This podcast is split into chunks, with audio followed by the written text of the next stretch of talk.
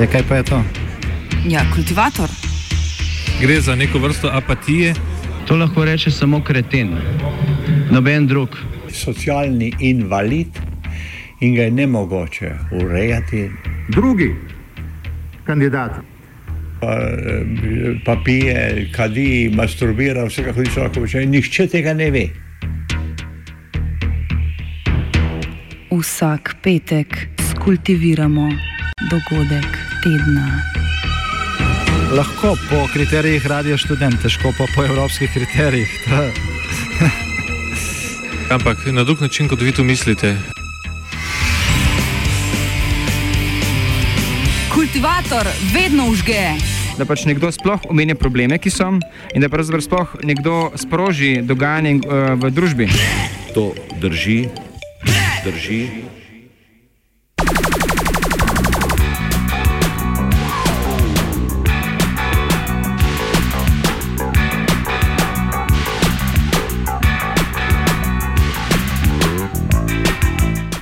Balkanska begunska pot se je zaradi mačarske dokončne ograditve in zaprtja meje premaknila proti Hrvaški, odkuder so prve skupine beguncev sinoči dosegle slovensko mejo. Če je včeraj zvečer na mejni prehod Dobova prva skupina beguncev prispela z vlakom, pa so po kasnejši odpovedi železniške povezave med Ljubljano in Zagrebom začeli v Slovenijo prihajati mimo mejnih prehodov preko tako imenovane zelene meje. Okrepljene policijske vrste, ki mejo s Hrvaško nadzirajo tudi iz zraka, na begunce z Bližnjega vzhoda prežijo na mejnih rekah, poljih in gozdovih. Tekom dneva smo o dogajanju z begunci na slovensko-hrvaški meji že poročali, na zadnje pa je situacijo strnila tam prisotna Ana. Uh, zdaj tako je v bistvu tudi hrvaški policaji ljudi opozarjajo, da se slovenska policija ne spušča naprej, uh, nihče nima dobrih podatkov, kakšen bi morali biti dokumenti, uh, da bi pač omogočilo to ljudem, da pač pridejo mejo oziroma kakšen je vse protokol. Uh, v bistvu na slovenski strani meje je ogromno policije, so uh, tudi enote robokopov, uh, marširajo tudi, v bistvu vsake toliko pride uh, helikopter poli policijski, hkrati se pa, pač tudi nadzoruje v bistvu ta uh, zelena meja.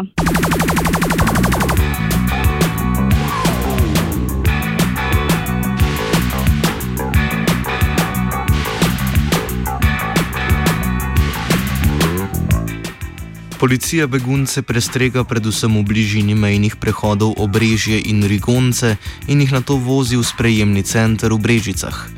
Po uradnih podatkih naj bi bilo tam 251 ljudi, neuradnih pa več kot 500, okoli 150 pa so jih pripeljali v postojenski center za tujce. Na notranjem ministrstvu po zapori srbsko-hrvaške meje v naslednjih 24 urah pričakujejo približno tisoč novih beguncev. Državni sekretar na ministrstvu za notranje zadeve Boštjan Šefic. Mi računamo v tem trenutku, v tem trenutku okrog tisoč oseb. Torej, to je ocena, za katero povdarjam, ni natančna, ne moramo trditi, da se bo tudi realizirala.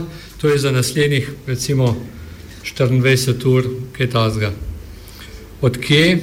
Predvsem gre iz smeri Zagreba.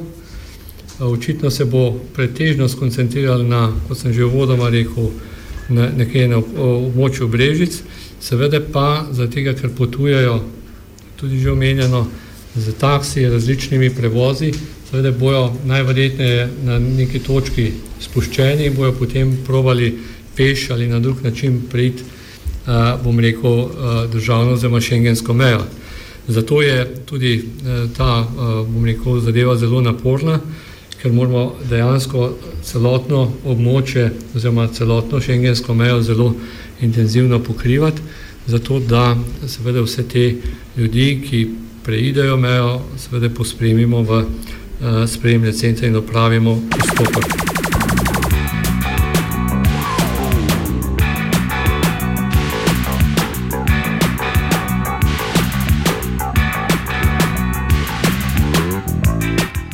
Na Hrvaškem se trenutno nahaja okoli 11 tisoč beguncev.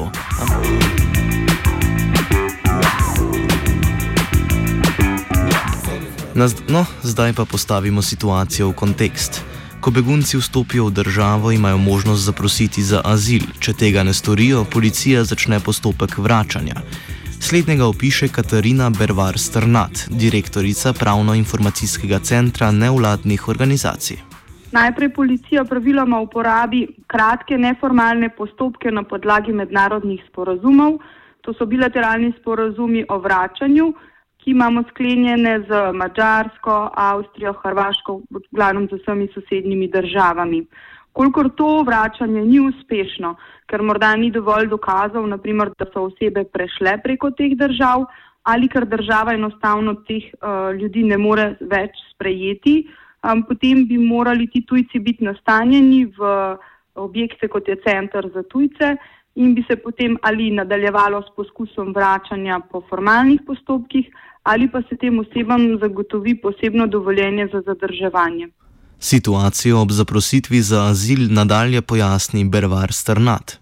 V primeru, da zaprosijo za azil, se jih potem napoti v azilni dom, kjer se upravi formalna podaja prošnje in seveda se začne postopek ugotavljanja upravičenosti do zaščite. V drugem primeru pa, okolikor ne zaprosijo, se začnejo postopki vračanja.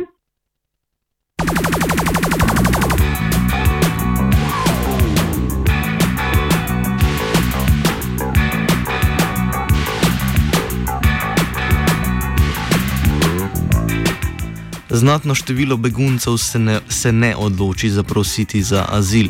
Razlog za to je predvsem dejstvo, da je Slovenija tranzitna država. Veliko beguncev ima namreč svojce ali prijatelje v severnih ali zahodnih državah.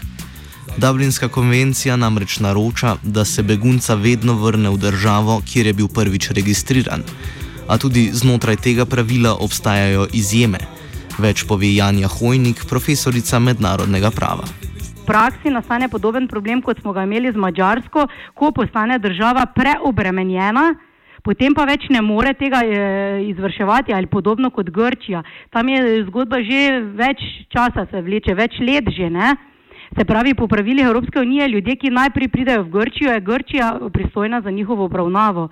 In potem, seveda, ko več ni bila sposobna toliko ljudi obravnavati Grčija ali jih preskrbeti, sploh upoštevajoč krizo gospodarsko pri njih in vse to, so šli ljudje naprej in so jih druge države vračale. In lahko tu povem, da je celo Evropsko sodišče za človekove pravice, pa sodišče Evropske unije sta eh, rekli, da druga država, tu je bila Belgija, recimo, če vrne priseljenca, eh, mislim, ne, prosilca za azil nazaj v Grčijo, ker je bila to prva država, v katero je prišel, da je kršila eh, temeljne akte glede beguncev, ker Grčija več ni veljala za varno državo.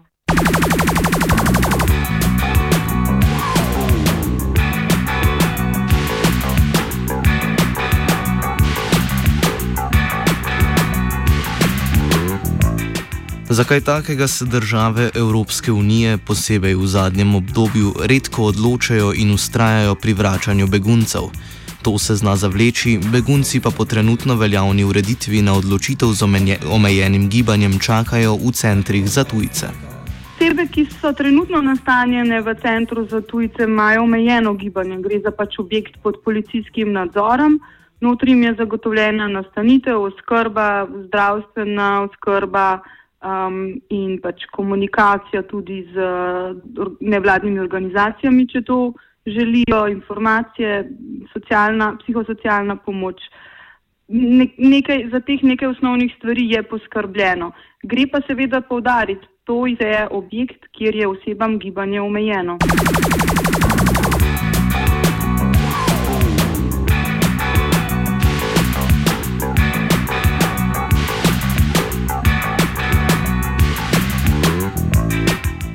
No, če se vrnemo na aktualno situacijo, državni sekretar Boštjan Šefic je na popovdanski tiskovni konferenci med drugim povedal, da Slovenija beguncev Hrvaški ne bo vračala. Tega vračanja v tem primeru, če govorimo za Hrvaško, ni, ker Republika Hrvaška niti v enem trenutku ni prevzemala, bom rekel, teh uh, migrantov nazaj, ne glede na to, da so nespodbitno prišli iz Hrvaške, ne glede na to, da so bili tudi uh, po njihovih trditvah registrirani, kar je seveda uh, ob njihova obveznost tudi po vsej torej po veljavnih predpisih.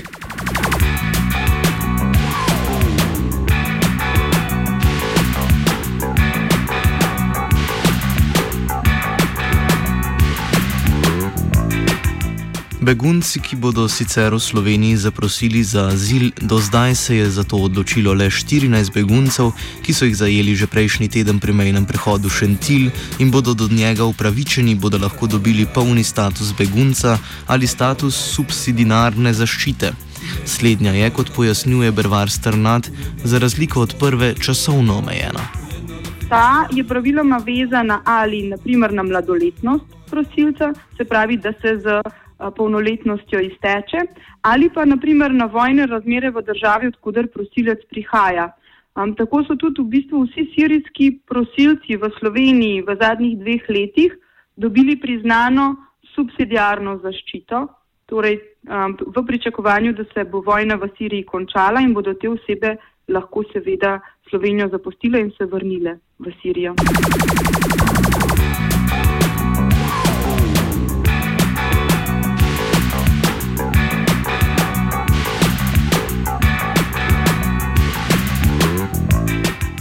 Na dokončno mačarsko zaprtje meje, ki je sledilo postavitvi visoke žičnate ograje in uveljavitvi strogega protimigranskega zakona, se je Slovenija odzvala že v noči iz srede na četrtek, ko je uvedla selektivno kontrolo na mejnih prehodih z Mačarsko. Direktor policije Marjan Funk. Treba je vedeti, da tu ne bo šlo za klasične mejne prehode, za klasično mejno kontrolo, ampak se je mejna kontrola izvajala izključno selektivno z namenom doseganja cilja, zaradi katere je tudi spostavljena. Kar pomeni, da ne predvidevamo večjih zastojev, da bodo izločena samo tista vozila, tisti potniki, ki bi po indikatorjih, ki jih imamo izdelane, lahko bili potencijalni uh, tokovi ilegalnih migracij. Tako da uh, za normalne uh, prometne tokove, uh, tako vozil, kako tudi blaga potnikov, ne pričakujemo bistvenih sprememb.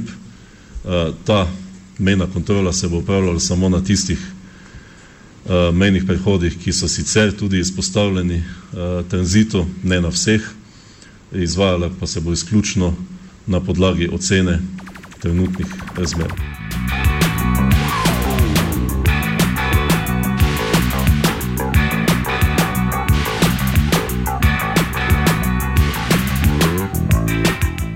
Kakšni so ti indikatorji, na podlagi katerih policija na meji z Mačarsko preverja neprave potnike, smo želeli preveriti tudi pri policiji, a nam je pojasnila zaradi bojda zaposlenosti ob vsej situaciji odrekli. Toda brško ne gre za podobno selektivnost pri preverjanju potnih listov, kot smo jih priča že vse od začetka tedna na nemško-avstrijskih in nekaterih drugih srednjeevropskih notranjih mejah območja Schengena. Tam policisti iz prometa izločajo in preverjajo potnike na podlagi izgleda, barve kože in tako dalje.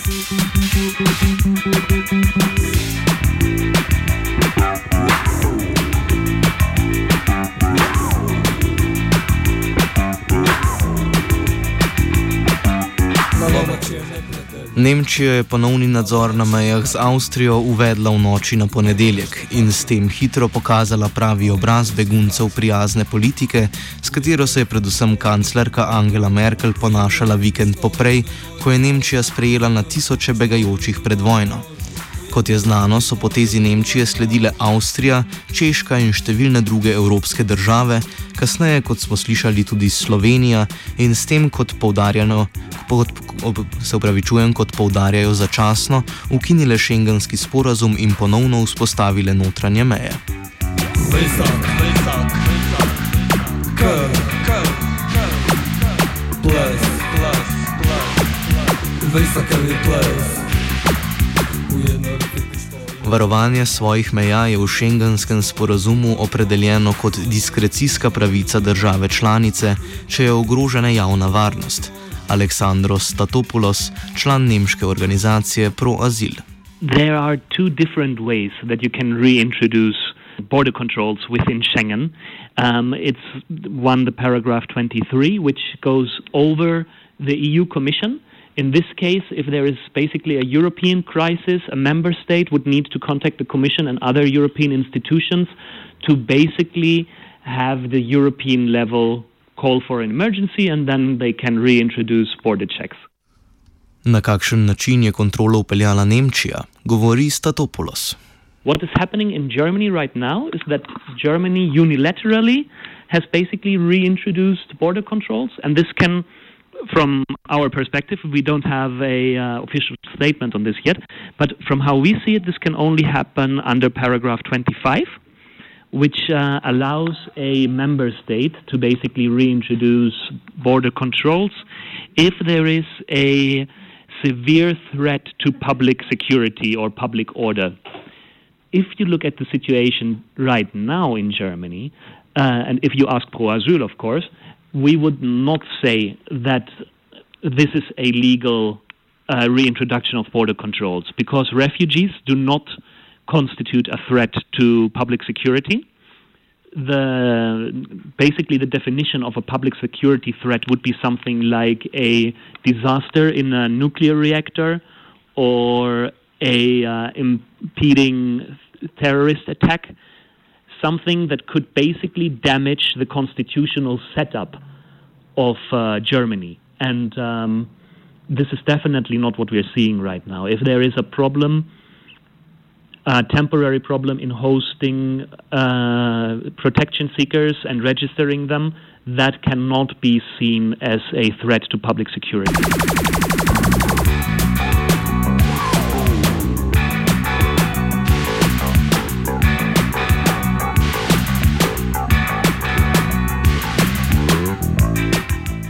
Kot alternativa nevarni poti po Balkanu se pogosto omenjajo varnostni koridorji. Teh evropska zakonodaja ne pozna. Janja Hojnik. Nikjer v pravo EU nisem jaz zasledila kakega koncepta varnega koridorja. Ne, kaj dejansko eh, vemo po teh pravilih eh, azilnih prava Evropske unije, je predvideno tako, da država, prva država članica Evropske unije, v katero eh, prosilec za azil pride, je odgovorna za njegovo obravnavo. Zato v pravo EU ne more biti obravnavan koncept eh, varnega koridorja ali spremljanja, eh, spremljanja prosilcev za azil ali migrantov v, do meje druge države ali še preko meje v tretjo državo.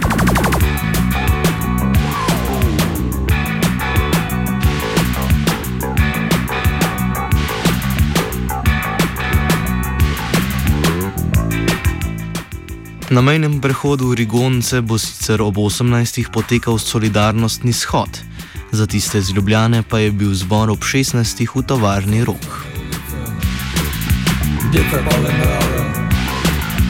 Zadovoljna usmeha, imeli zadovoljnog mesta, ujedno. Kultivator sta pripravila Marcen in Zupan.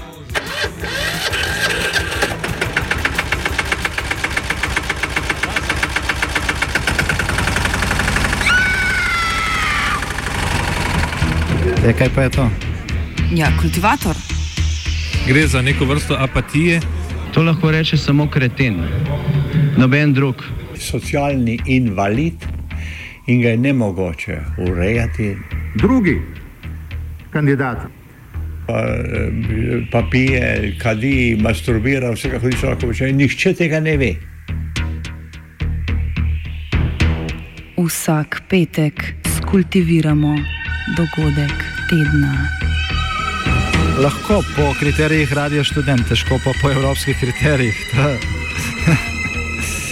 Ampak na drug način, kot vi tu mislite. Kultivator vedno užge. Da pač nekdo sploh omenja probleme, ki so, in da pravzaprav sploh nekdo sproži dogajanje uh, v družbi. To drži, drži.